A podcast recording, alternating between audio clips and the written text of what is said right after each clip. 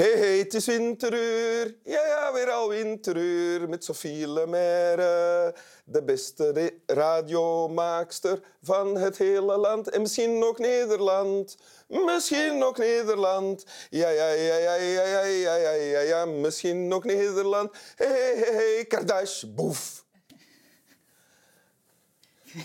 Heel mooi. Dank u. En welkom in Winteruur. Dank u. Sophie Lemaire, mijn favoriete radiomaker. Jee. Je hebt een tekst meegebracht. Ja, Wil je die zeker. voorlezen? Heel graag. Oké. Het is in het Engels.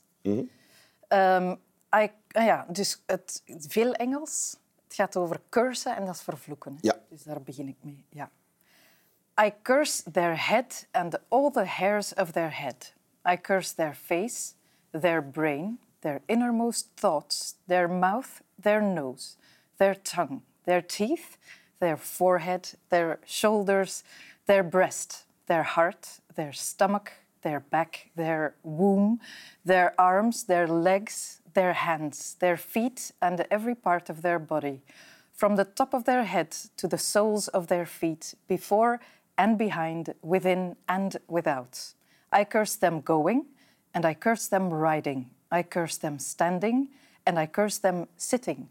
I curse them eating, and I curse them drinking. I curse them rising, and I curse them lying. I curse them at home.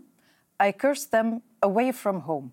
I curse them within the house. I curse them outside of the house. I curse their wives, their children, and their servants who participate in their deeds. I bring ill wishes upon their crops, their cattle, their wool, their sheep, their horses, their swine, their geese, their hens, and all their livestock. Alsjeblieft. Zo, Oh, wat is dit? ja, wat is dit? Een goede vraag. Een, iemand spreekt een vloek uit. Het is een vloek die eh, ehm, 500 jaar geleden, in 1525, is uitgesproken door eh aartsbisschop Gavin Dunbar van Glasgow. Die ehm, in de regio tussen Schotland en Engeland, dus gaat toen nog het Koninkrijk Schotland en het Koninkrijk Engeland, ehm, de grensregio geteisterd zag door plunderende bendes. Ehm, de Border Reavers werden zij genoemd.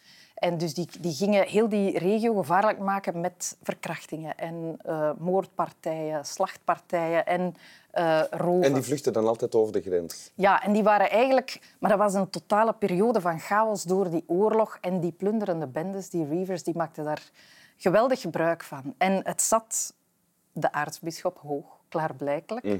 Waardoor dat hij op een dag moet beslist hebben... Ik ga ze eens goed vervloeken. Ja. Ehm, en dan heeft hij deze tekst geschreven die nog veel langer doorgaat dan dit. Ehm, dus het gaat, hij vervloekt letterlijk alles aan die mensen en dan pakt hem alle miserie uit de Bijbel, alle plagen en pesten en miserie die daarin voorkomt, en die wenst hem hem ook toe. En dan op het einde eh, zegt hem nog, ik vervloek jullie tot de diepste put van de hel, waar de helle honden u tot eh, in de oneindigheid zullen verscheuren. Oké. Dus hij was boos. En is dit dan het soort literatuur dat op jouw nachtkastje ligt? Ik heb het leren kennen door een, eh, een podcast Ja? eh, waarin deze tekst ter sprake kwam, omdat, dus hij heeft die vloek ooit uitgesproken, ehm, over een aantal plunderende families, familieclans, eh, waarvan vandaag nog heel veel nazaten in leven zijn. Dat gaat over heel veel mensen. En die podcast ging over de familie Elliot, nazaten van een van die eh, plunderende clans, de Elliot-clan, waar ook T.S. Eliot familie van is, blijkbaar. En die familie wordt geconfronteerd met heel veel tegenslag. Dus er, is er, het zijn een paar broers. Eh, de ene is vroegtijdig kaal geworden, heeft hamertenen. De andere... Hamertenen, ja. Ik weet ook niet wat dat is, maar ik denk zo'n dikke, dikke teen, denk ik. Ehm, en eh, hij is eens naar Parijs geweest en drie opeenvolgende dagen wordt hij overvallen. en, dat is niet grappig. Ehm, en de andere heeft een moestuin en die krijgt daar eh, veel groenten uit, behalve de kolen. Die willen maar niet groeien.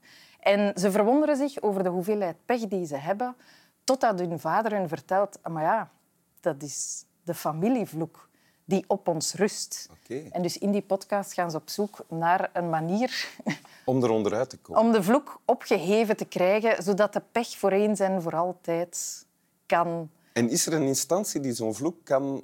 Ah, Maar nee, zo blijkt. Eh, zo, dat, dus dat is het probleem. Die vloek is uitgesproken in eh, de 16e eeuw. Eenmaal vervloekt, blijf je vervloekt. En vandaag bestaan er klaarblijkelijk geen protocollen om eh uzelf te laten ontvloeken. Ehm, en dus dat, dat gaat verder, want die tekst hebben ze op een bepaald moment... Ze hebben aan een kunstenaar gevraagd in Carlisle, dat ligt ook in die grensregio. Dan kun je kunstwerk maken om dat stukje stadsgeschiedenis in herinnering te brengen. Ja? Ehm, die, ze hebben dan een grote steen bedacht waarop die woorden, deze woorden ook staan. Oké. En wat gebeurt er in Carlisle? Kort na de inhuldiging, eh, de populairste bakker van de stad gaat failliet. Er is een overstroming, er is een uitbraak van mond- en klauwzeer.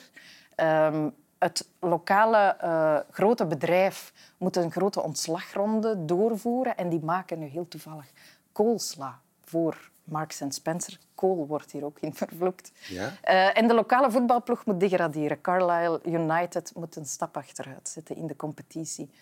En dus lokaal, maar dat is begin jaren 2000, is er plots heel veel protest van ja, jongens, we, we moeten die steen hier onmiddellijk vernietigen. Ja? Want wij zijn die terug nieuw leven aan het inroepen. En zie wat er allemaal aan het gebeuren is.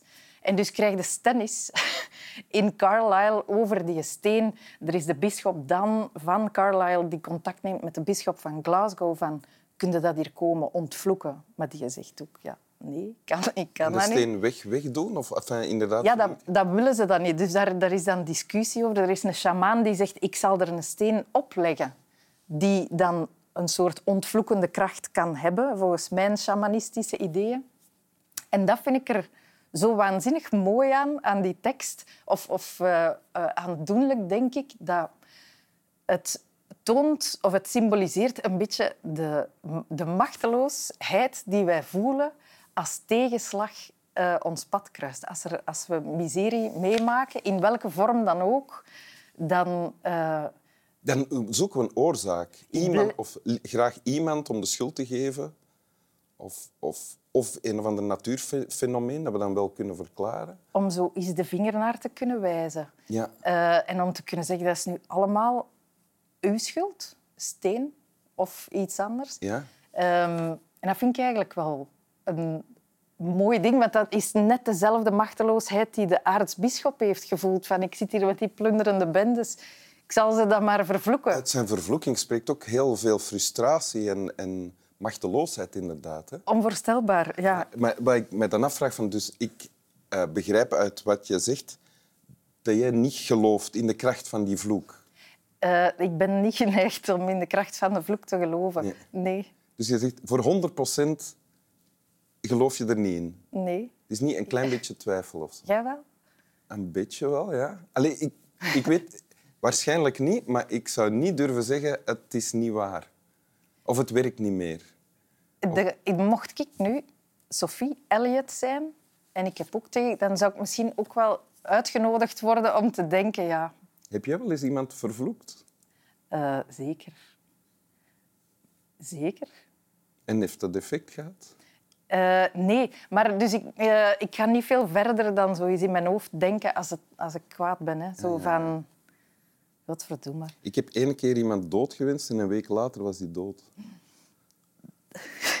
Dat is een andere zaak. Hè. Wil je de tekst nog eens voorlezen? Zeker. Ja, Altijd spijt van. ik mag daar niet bij lachen, hè. dat is eigenlijk wel erg. Hè. Ja. Ja. I curse their head and all the hairs of their head. I curse their face, their brain, their innermost thoughts, their mouth, their nose, their tongue, their teeth, their forehead, their shoulders, their breast, their heart, their stomach, their back, their womb, their arms, their legs, their hands, their feet, and every part of their body, from the top of their head to the soles of their feet, before and behind, within and without. I curse them going, and I curse them riding, I curse them standing, and I curse them sitting. I curse them eating, and I curse them drinking. I curse them rising, and I curse them lying. I curse them at home, I curse them away from home. I curse them within the house, I curse them outside of the house. I curse their wives, their children, and their servants who participate in their deeds. I bring ill wishes upon their crops, their cattle, their wool, their sheep, their horse, their swine, their geese, their hens, and all their livestock. En zo gaat het nog door. Dan. Ja, tot in de oneindigheid. Dank u. Slap wel. Wij wensen u een goede nacht toe. Hè? Toch? In de mate van het mogelijke. In Hè? mate van het mogelijk. En anders is de schuld van de steen. De hond heeft dus een nieuwe positie. Ik zie Wat vind je ervan? Ik vind het wel modern.